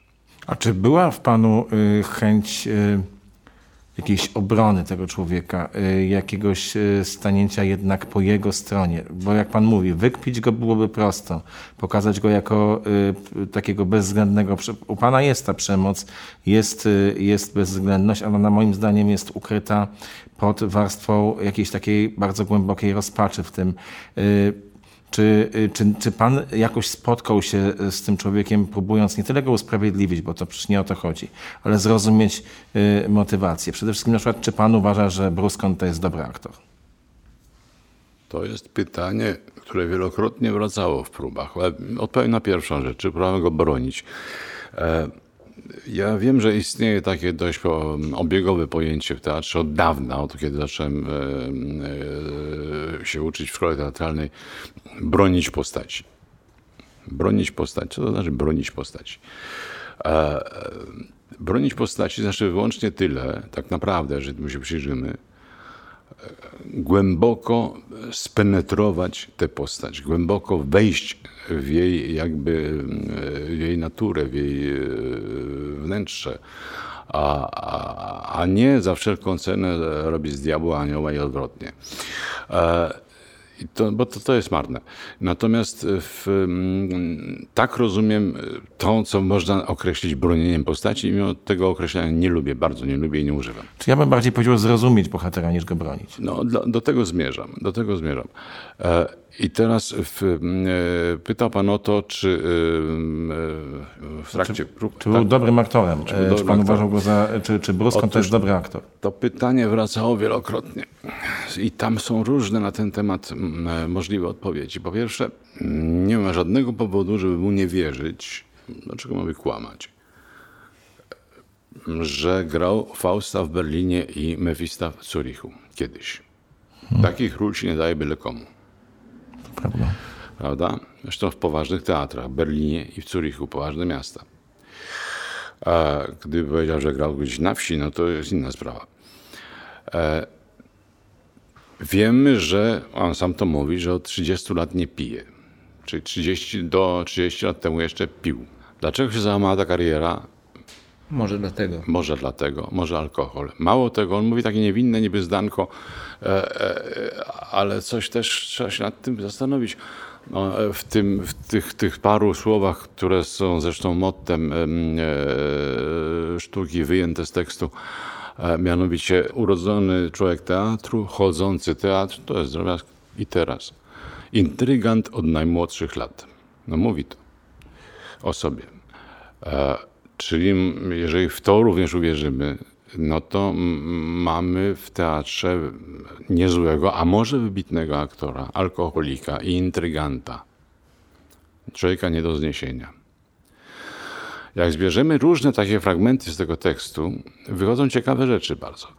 Nie mam powodu nie wierzyć w to, ja osobiście, aktor, który to gra, gra Bruskona, że to jest dobry aktor. Natomiast Bruskon e, absolutnie jest o tym przekonany jeżeli o niego chodzi. Wie to po prostu. Co więcej, kiedy patrzymy na, czytamy już, w czytaniu już te fragmenty jego prób, jego próba z córką, jego próba z synem. Przecież to, co on mówi córce, są fantastyczne uwagi zawodowe. Fantastyczne. Dobre, proste i mądre. E, to, co on mówi synowi, też nie jest złe. Mimo, że potem e, e, jest tam coś, co, e, co no, zawsze budzi śmiech, no bo w pewnym momencie mówi mu bardzo mętnie, że ma mówić inaczej te kwestie, bo spadł kapelusz, że szpilka jeszcze nie i wszedł Antoni Śman, wszystko jasne mój pyta. Jak wielu reżyserów zresztą. To jest, myślę, że Bernhard również sobie pozwolił na to, żeby zakpić tam w tym tekście z paru reżyserów, paru aktorów. A, ale to jest drobiazg, to jest mniej istotne. Natomiast y, są ślady na to, już w samym tekście, że to jest dobry aktor. I są ślady na to również, że w jakiś sposób przestał nie mieć. Sam o tym mówi. Jeżeli on sam mówi, mało tego.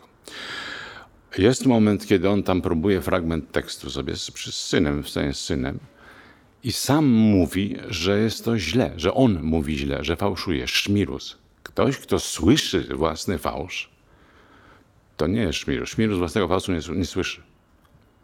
On słyszy własny fałsz i cudzy fałsz na scenie. W związku z tym, zbierając te elementy, można sądzić, że to nie jest nietuzinkowy aktor. Przynajmniej był. E, więc tak mogę panu odpowiedzieć. Natomiast jak jest naprawdę, tego nie wiemy, bo nie widzieliśmy Bruskona, kiedy gra na scenie. A ja mam inne pytanie. Mam pytanie, którym chciałabym wrócić do tych poprzednich wątków, do tej do tego, co Pan powiedział, z jaką łatwością można by było przypisać to e, przedstawienie, czy, czy, te, czy tę sztukę na, e, że tak powiem, dyskurs takiej współczesności, która się koncentruje właśnie na tej niesymetryczności ról, prawda, w układach tak. różnych, zarówno zawodowych, jak i domowych, co jest tutaj ewidentne, no bo jednak jego stosunek do żony, miłość, która się objawia wyłącznie jako właściwie tak. agresja, taka jest prawda, ale nie można zaprzeczyć, że to jest miłość. I właśnie e, e, tu chciałam zapytać o to, bo takie właśnie taki sposób funkcjonowania, no osobowości oczywiście narcy narcystycznych, które tak właśnie wyrażają emocje i wyrażają e, istotność danej osoby w swoim życiu, że właśnie ją atakują za jej wyłącznie tak. obecność, za to, że wchodzi do pokoju. E, to jest oczywiście wyraz jakiejś ogromnej bezradności wobec tych uczuć. Znaczy on kocha i tak jest bezradny wobec tej miłości, że, że po prostu sam niszczy e, te relacje. I tu chciałam o to zapytać, właśnie o tę bezbronność, niedojrzałość i przede wszystkim strach. Czego według Pana e, ten bohater się tak naprawdę boi? Co go tak przeraża prawdopodobnie od bardzo wielu, wielu, wielu, wielu lat, od, od, od zarania jego życia? Co, co tam jest takiego po, zupełnie na spodzie? Teraz to na pewno i od pewnego czasu przeraża go koniec, ponieważ koniec, on ten koniec czuje. Oddech na karku. A, a co od zarania, no tego nie wiem. Natomiast w, to poplątanie uczuciowe, o którym pani mówi, to ono jest dość. No, ono istnieje po prostu. A dalej, e, kiedy czytamy ten tekst na początku, w zasadzie nie ma się do czego przyczepić. Tonacja od razu narzuca się kabotyńska, ale jeżeli chodzi o to, co on mówi, nie ma się na początku do czego przyczepić. E, e, mało tego, e, w, jeżeli mówi pewne rzeczy, które wielu z nas w różnych okolicznościach sobie pomyśli, nie powie, bo nie wypada. To jest różnica, że on to mówi. Natomiast to, że on czuje lęk przed y, koń, końcem życia, przed końcem. E, to jest oczywiste. I upadek, ponieważ dla niego jest to upadek jednak. I czym on się ratuje? W pierwszych słowach już. On wchodzi i mówi do, w miejscowości, która liczy 280 mieszkańców, pan, który niegdyś grywał w Berlinie Fausta, a w Zurichu Mefista, ma zagrać własną sztukę z, e, z trójką e, ludzi ze swojej rodziny, którzy według niego nie mają pojęcia o tym zawodzie. I, nie, um, i zdaje się, że tak naprawdę jest. I czym on się ratuje? On ratuje się tym, że mówi, że on przyzywa to, na czym się może oprzeć. Zasłużony aktor w Udzbach. A on się broni przed tymi okolicznościami, jakie się znalazł i przywołuje ciągle jakiś sukces w innej miejscowości, gdzie miał 830 widzów, gdzie był aplauz. Mało tego, e, tu jak już naprawdę e, rasowy i trzeba powiedzieć w tym przypadku podrzędny aktor, opowiada o sukcesach swojej sztuki. I za każdym razem, proszę zwrócić uwagę na to, że kiedy on mówi, gdzie klaskali, gdzie, że była owacja i tak dalej, i tak dalej, to były owacje po tym, jak coś im się nie udało, jak syn nogę sobie rozciął albo coś, tam były owacje. On zwraca uwagę tylko na to, że były owacje. A z jakiego powodu? Nieważne. Aktor miał owacje. O, to rasowe, powiedziałbym. A, także to, to jest ogromne poplątanie. Jest jeszcze jedna rzecz. E, sztuka, którą napisał. Nie znamy tej sztuki, bo jej nie widzieliśmy, nie zagrali jej. Znamy odpryski. Proszę Państwa, kiedy się te odpryski zbiera do kupy, zaczynając od tego na przykład, że tekst, który on ćwiczy z córką, te trzy zdanka, to jest przepiękny tekst. To jest piękny tekst, naprawdę. Jeśli nie mamy w sobie, nie mamy w sobie piękna i na wskroś chory jest nasz duch i tak ubodzy jesteśmy wewnętrznie, to jest piękny tekst. On to napisał. A o przeszłość, chodzi o wciąż trwającą przeszłość, też on napisał. To jest jego tekst. Jeżeli zbierzemy elementy tej sztuki, którą on napisał, które na pierwszy rzut oka są zupełnym idiotyzmem, one wcale nie są idiotyzmem, wcale nie jest to głupie. I na czym polega jego zmartwienie? Przecież na, on napisał o pędzie ludzkości od zarania, o pędzie ludzkości do samounicestwienia. Powiedziałbym, że temat niebłahy. A to, że tam się spotykają ludzie z różnych epok, ile razy w literaturze to mamy? Czemu nas to dziwi? Ale kto się spotyka? Spotyka się Hitler z Napoleonem. Odwaj tyrani, rany boskie. Napoleon, bohater narodowy nasz, mamy go w hymnie, ale jednak przyjrzeć się dobrze spotkanie Napoleona z Hitlerem, to e, dwóch kolegów po fachu. Do tego jeszcze dołączony jest do Hitlera Roosevelt, który, za którego zbudowano bombę atomową w Stanach oskarżenie naukowców Marie Curie i Einsteina, którzy do tego ręki przyłożyli. Przecież tam są, cały czas on mówi o tym, te odpryski mówią o tym, że on spotyka w tej sztuce ludzie, ludzi e, ze sobą, którzy e, przyłożyli ręki w ten czy inny sposób do tego, żeby unicestwić ludzkość. Nie głupie. Powiem tak, y, dalszy ciąg tej rozmowy w pewnym sensie poprzez przedstawienie, czyli poprzez komedianta w Teatrze Narodowym. A ja mogę jeszcze coś tak, nie a propos, mogę? Ja tak, najwyżej się wytnie. Bo pan Jerzy jest taką osobą, która czyta zawsze i czyta wszędzie i o każdej porze dnia i, i nocy. Językach. A my jesteśmy w Tygodniku Kulturalnym, gdzie rekomendujemy, co pan teraz czyta, co mamy czytać, proszę powiedzieć. Proszę pana, y, teraz co czytam? Tak. Dokładnie. Dokładnie. Proszę bardzo, kończę dzieła, wszystkie dzieła teatralne Racina po francusku. O nie, to tego dlatego, nie przeczytam. Dlatego, że pan będzie tłumaczył? Nie, dlatego że chciałem w końcu wszystkie mm, o, o tak przeczytać jedno po drugim, żeby y, do nich wrócić. Niektórych nie czytałem nigdy po francusku, więc sobie je teraz czytam. No to teraz A dla to ludzi polecam. bardziej? Polecam. A, a dla ludzi bardziej? Co? No bo Racing nie dla ludzi, tylko dla Radziwiłowicza. Gazetę czytałem ludzi- dzisiaj. Gazetę, dobrze, masz to swoje. Komediant w Teatrze Narodowym. Powiem tylko, że to jest oczywiście wielka rola Jerzego Radziwiłowicza, ale też Aleksandra Justa, Zuzanna Sapożnikow, y, Arkadiusz Janiczek, Kilga Ilgner, y, jeszcze student Akademii Teatralnej w Warszawie, Hubert Łapacz, bo to jest trudne y, grać prawie bez słów. Przedstawienie Andrzeja Domanika. Czekamy także, bo to już można chyba powiedzieć, bo przedostało się w eter, na, czekając na Godota w reżyserii Piotra Cieplaka. Rozmawialiśmy tutaj w tygodniku o pana roli Malwolia z reżyserem w wieczorze y, Trzech Króli. Wiem, że w nowym sezonie będą Państwo pracować nad Beckettem. Bardzo serdecznie zapraszamy do Teatru Narodowego i bardzo serdecznie dziękujemy za tę rozmowę, że Pan do nas Dziękuję przyszedł. bardzo.